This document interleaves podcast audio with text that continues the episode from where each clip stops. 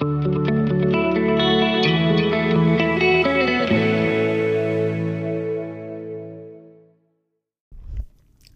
superleuk dat je weer luistert naar de podcast. Ik um, heb vandaag een podcast voor jullie die ik eigenlijk al heel erg lang wilde opnemen. Um, ja, het gaat eigenlijk heel erg over de kern van wat ik werk en mijn visie daarop. En het gaat namelijk over de drie pilaren die het fundament vormen van wat ik doe. Het weten, het voelen en het leven. En ik ga er veel dieper op in tijdens de podcast. Ja, welke tools ik daarvoor gebruik, welke drie tools uh, die daar inherent aan staan. En ja, er komen super veel voorbeelden voorbij. En um, een heel groot stuk van waar ik in geloof. En ik denk dat het een super waardevolle podcast is geworden. Uh, toen ik deze podcast opnam, toen liep ik door de duinen heen. Dus alvast mijn excuses als je.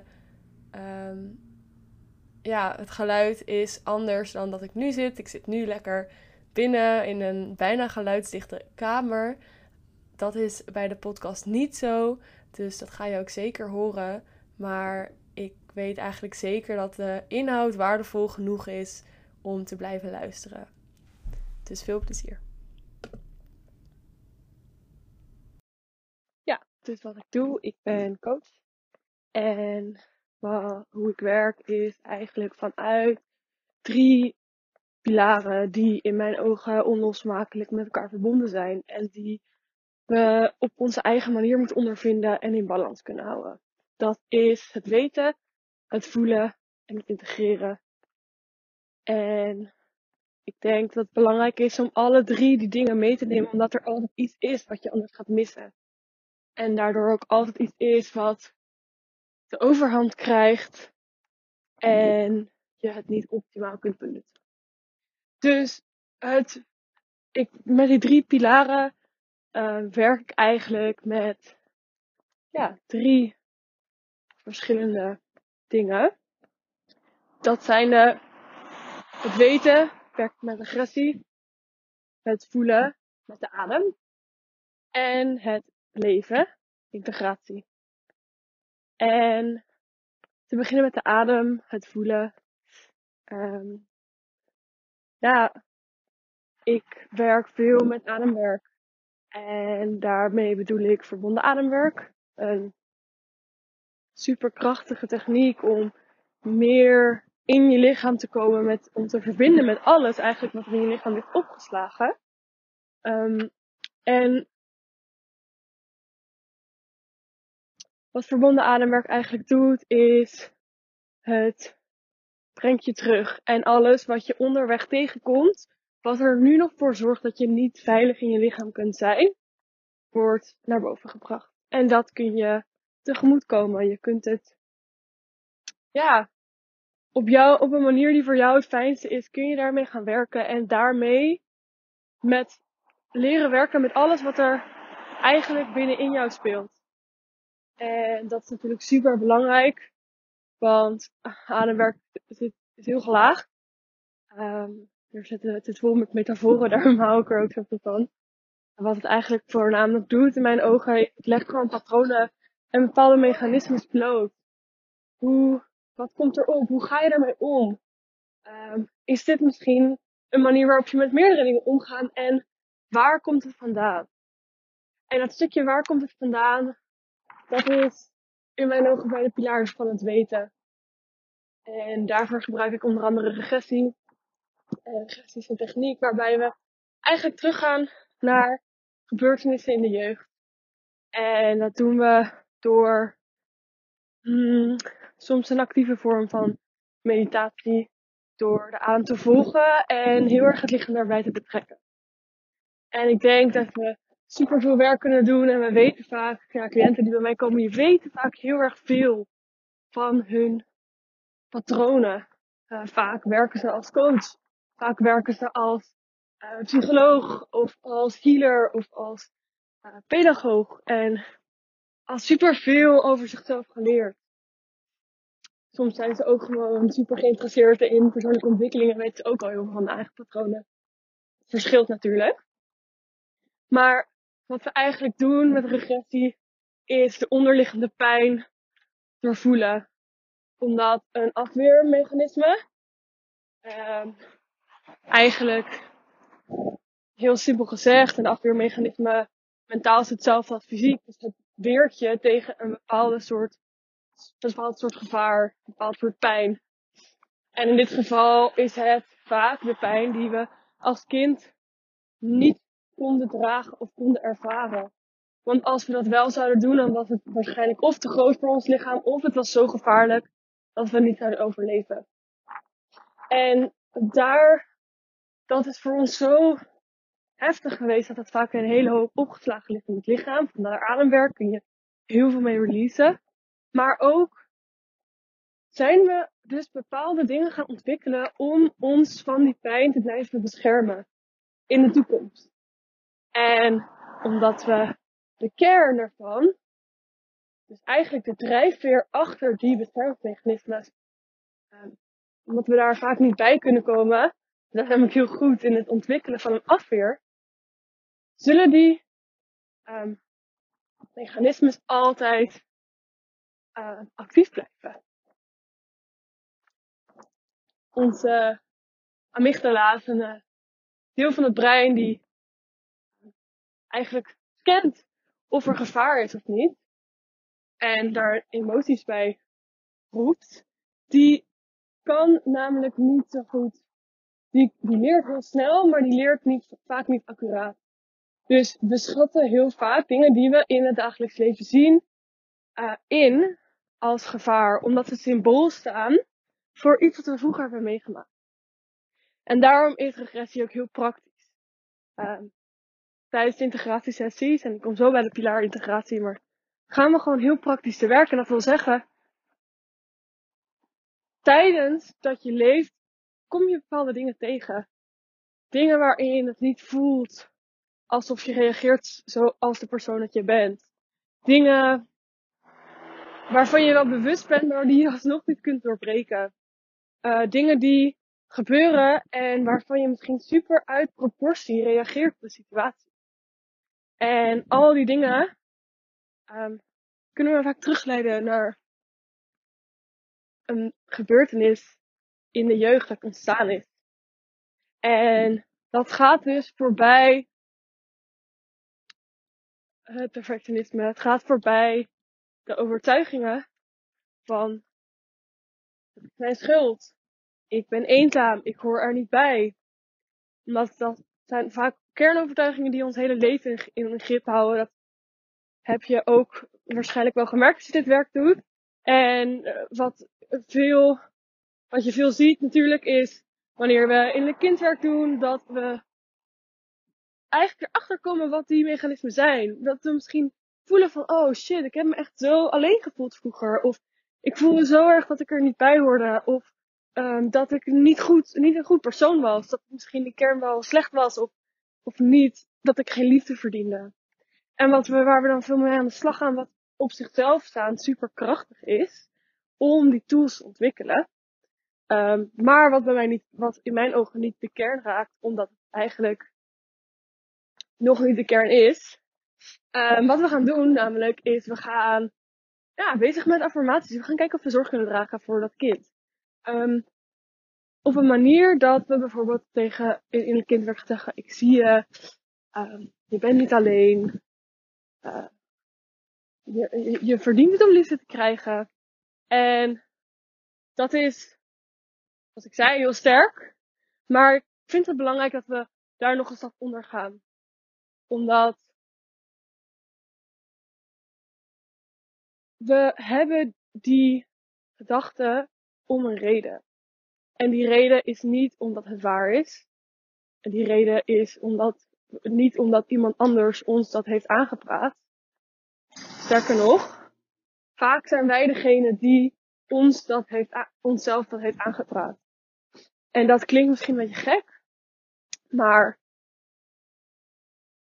eigenlijk je negatieve kernovertuigingen, zoals ik ben egoïstisch, ik hoor er niet bij, verdien het niet om lief gehebt te worden. Dat is ook een vorm van afweer. En dat, dat noemen ze vaak primaire afweer, omdat het zo, ja, een heel sterk en laatste redmiddel is. Wat er namelijk gebeurt is, er zit pijn onder als kind. Zijn dingen eindig. Er is geen besef van tijd. Er is geen, um, ja, rationalisering van wat er gebeurt. Dus iets heel kleins kunnen we voelen als iets heel groots. Um, als we onze basis, basisbehoeften niet vervuld krijgen, dan kunnen we voelen, kan het voelen alsof we dat nooit meer krijgen. En dan helemaal als het regelmatig gebeurt. Bijvoorbeeld als we onze, onze emotionele warmte niet vervuld kregen, maar wel onszelf uh, beschikbaar moesten stellen voor onze ouders. Um, bijvoorbeeld als onze ouders ons nodig hadden. En het, de pijn van die behoefte, van het niet krijgen van die behoefte, dat zorgt er vaak voor dat, ja, we dat niet aan, we kunnen dat helemaal niet aan als klein kind. Als uh, kinderen kunnen we vaak intense emoties niet eens ervaren wanneer er geen volwassene is om die veiligheid in ons te bieden. En wanneer die volwassene niet aanwezig was. En dat is natuurlijk niet, dat geldt niet alleen voor super heftige dingen. Maar dat gebeurt, zoals ik zei, um, ja, in de kleinste dingen kunnen zitten, omdat we niet de situatie kunnen beredeneren en rationaliseren. Um,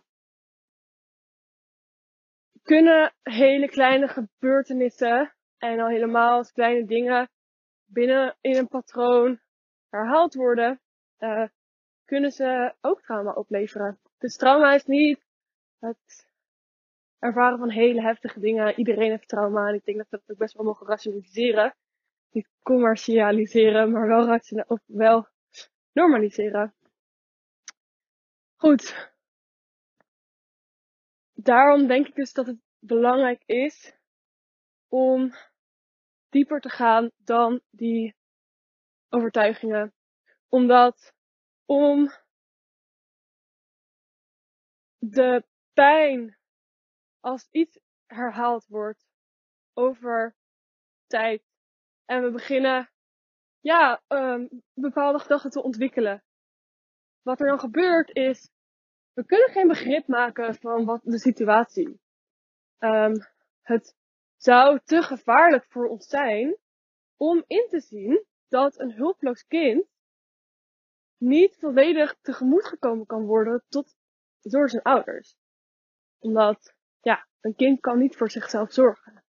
Dus om ervoor te zorgen dat die liefde ontvangt en daarmee overleeft, gaat het kind zich eigenlijk heel erg accommoderen aan de omgeving. En dat is een heel sterk iets. Daar wordt afweer natuurlijk ook um, op gebaseerd.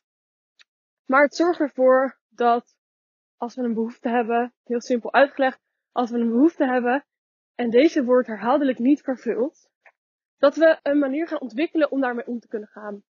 En als de manier niet is, oh, we kunnen dat niet doorvoelen, omdat het elke keer die teleurstelling, die wanhoop, die hopeloosheid, zo van het niet tegemoet komen van onze behoeften zo intens is, en zo gevaarlijk om dat te beleven, is er, gaan we een manier ontwikkelen waarop we wel controle kunnen voelen. En die doet vaak pijn, want de primaire afweer, de negatieve kernovertuigingen, die doen ook veel pijn. Daarom lijkt het vaak alsof we de kern hebben gehad als we erom huilen. En er zit daar ook veel verdriet, maar het is niet de kern. En sterker nog, je kunt zelfs, als je daar blijft, kun je zelfs die afweer versterken. Maar omdat we die pijn niet kunnen doorvoelen, gaan we een manier bedenken of ontwikkelen waarop we hier wel mee om kunnen gaan. En dat zijn overtuigingen zoals ik ben niet goed genoeg, ik kan het niet aan, het is mijn schuld, um, ik mag niet afhankelijk zijn. Omdat als het aan ons ligt, dan hebben we in elk geval nog een mate van controle. Nou, wat we dus met regressie doen, is we gaan eigenlijk naar de ontstaan, het punt van ontstaan in ja, in onze jeugd, waar het is ontstaan, wanneer en waarom en welke beelden, gevoelens komen erbij kijken, zodat we de oorspronkelijke gevoelens kunnen doorvoelen. En dat zijn vaak wel hele rauwe en heftige gevoelens. Gevoelens van rouw, gevoelens van boosheid, um, wanhoop, uh, hopeloosheid, waardeloosheid. En dat zijn gevoelens die heel erg rauw kunnen voelen, zoals ik zei. Het is niet fijn om daar doorheen te gaan, maar het is wel nodig. Want dan kan je de pijn doorvoelen die ten grond ligt aan al die mechanismen. En dan heb je echt de kern te pakken. En dat is ook de, ja, het gevoel waar echt wat opluchting brengt. Dus daar gaan we mee werken. Daar werken we mee tijdens regressie. En ik denk dat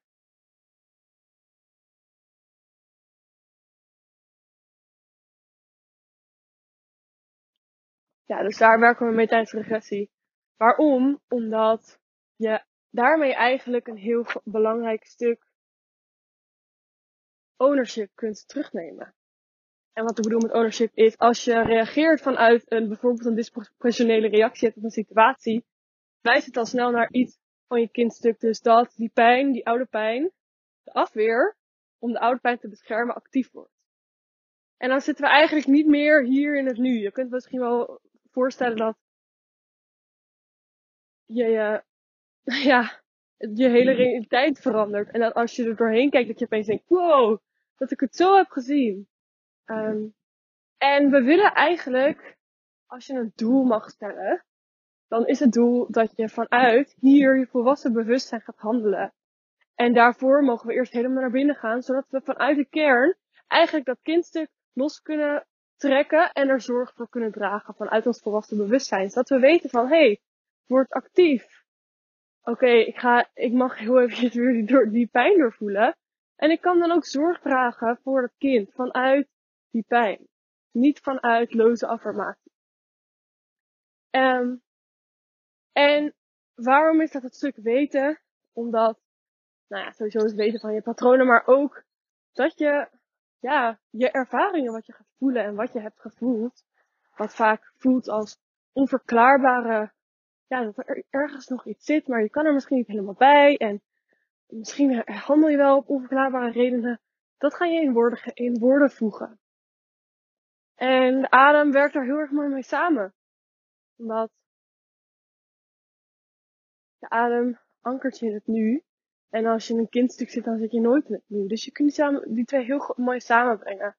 Tijdens regressie gebruiken we ook veel de adem als anker in het nu, maar ook als lijnraad om te doorvoelen, als drager en als veiligsteller. Dus je gaat een band ontwikkelen met de adem, die heel intiem is, maar ook heel veilig voelt.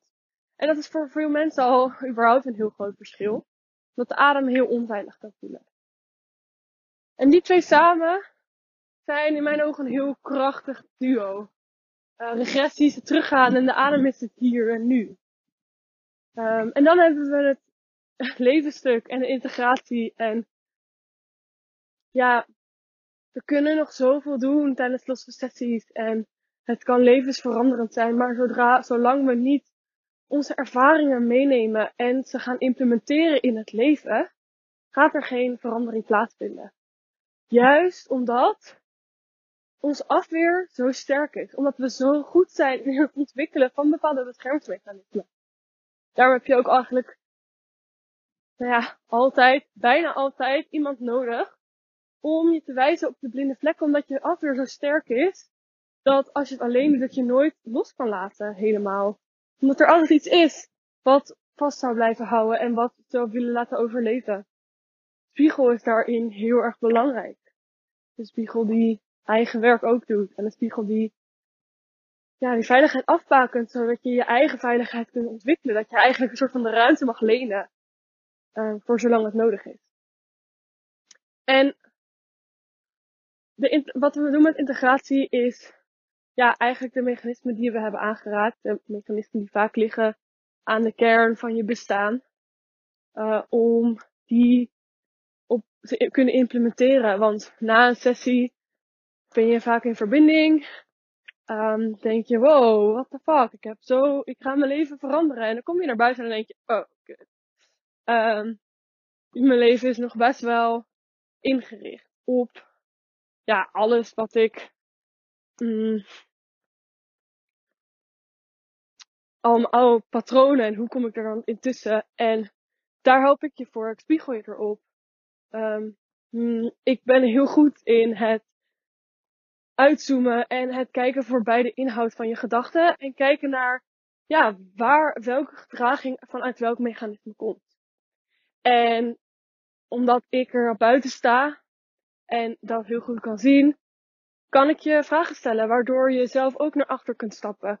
Waardoor je kunt voelen en waardoor je ook zelf kunt leren herkennen. Ja, wat? Oh, wacht. Dit voelde zo. Deze beweging die ik nu maak. Vaak gaat het over bewegingen. Uh, patronen zijn vaak bewegingen. Het gaat over verkramping of ruimte.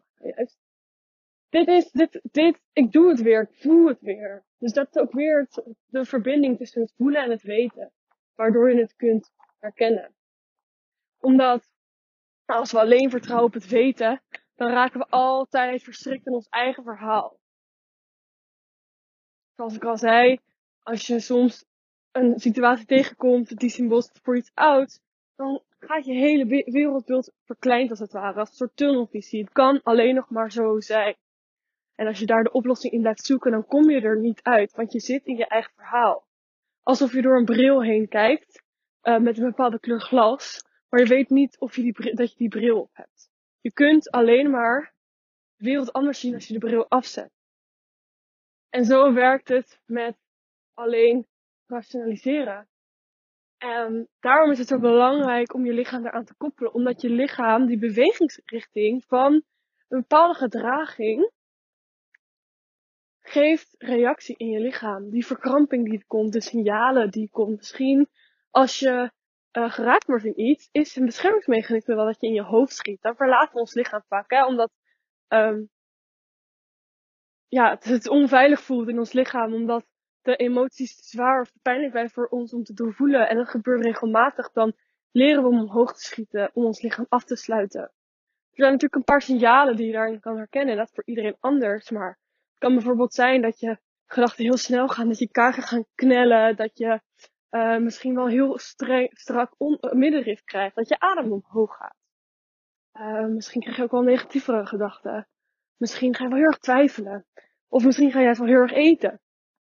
En zodra, als je alleen je hoofd zou hebben, dan blijf je zoeken, hé, wat is er nou aan de hand? Wat is nou waar? Wat is nou niet waar? Ga je de waarheid zoeken binnen in je gedachten. Maar ik wil dat je ten eerste met de adem ankert in het nu.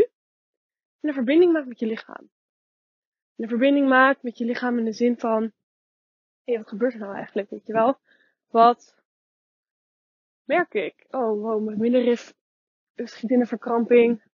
Hmm, dat is een signaal van dat ik in mijn hoofd schiet. En zo kun je eigenlijk, en mijn gedachte zelf, dat het zo snel gaat, is ook een teken dat ik in mijn hoofd ben geschoten. En zo wordt het veel meer holistisch. En heb je dus een veel groter beeld en een veel robuuster, ja, ik, vind het lastig om daar een woord voor te bedenken, maar een veel ja, sterkere ondergrond en een sterker fundament dat veel holistischer is, veel voller, uit veel meer componenten bestaat waar je op kan vertrouwen dan alleen maar je hoofd. Want er is veel meer dan je hoofd. Het is zonde als je alleen je hoofd vertrouwt. En er is natuurlijk veel te zeggen over bang zijn dat emoties je overspoelen. En dat is iets ook wat iets ouds is. Wat je niet aan kan. En daarom ademwerken. Daarom gaan we ja, dat fundament in die draagkracht binnen in jezelf ook bouwen. Omdat we hoeven niet te graven. We gaan draagkracht maken zodat we vertrouwen dat iets omhoog kan komen. En met ademwerk en met ja, bepaalde integratieopdrachten gaan we, ga je weer leren voelen dat het veilig is om in je lichaam te zijn. Om als je in je hoofd schiet, dat je kan denken, oh wacht, het gebeurt het betekent dat ik me onveilig voel, dat het oud actief wordt. Hoe kan ik weer terugkomen hier naar het nu toe? Zonder iets te negeren, want dat is natuurlijk een beetje het gevaar. Dat het nu een bepaalde,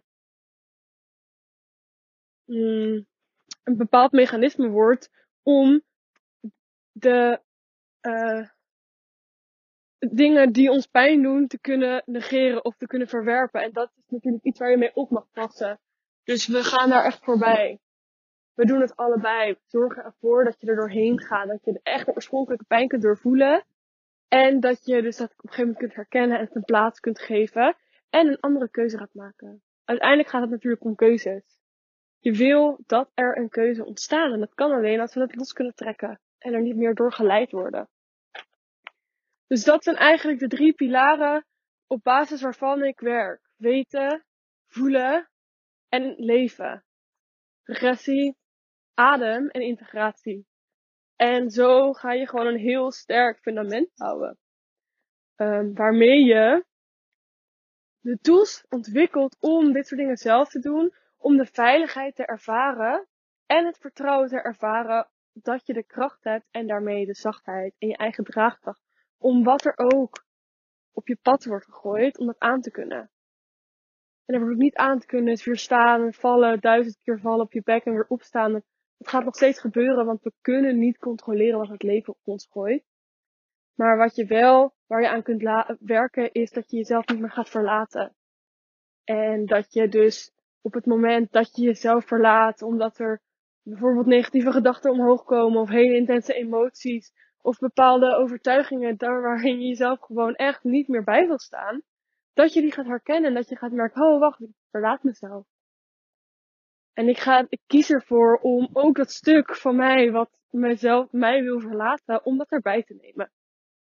Um, het is natuurlijk niet een, een, een oefening van, je, van alles loslaten, maar juist van alles erbij nemen.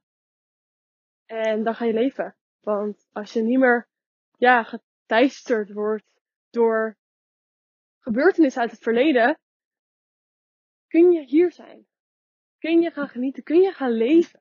Uiteindelijk is dat natuurlijk het doel. Je wil gaan leven, je wilt leven ervaren, je wil genieten, je wil verbinden met geliefden en je gelukkig voelen. En dat is natuurlijk het hele doel van het leven, denk ik, is dat je gaat leven.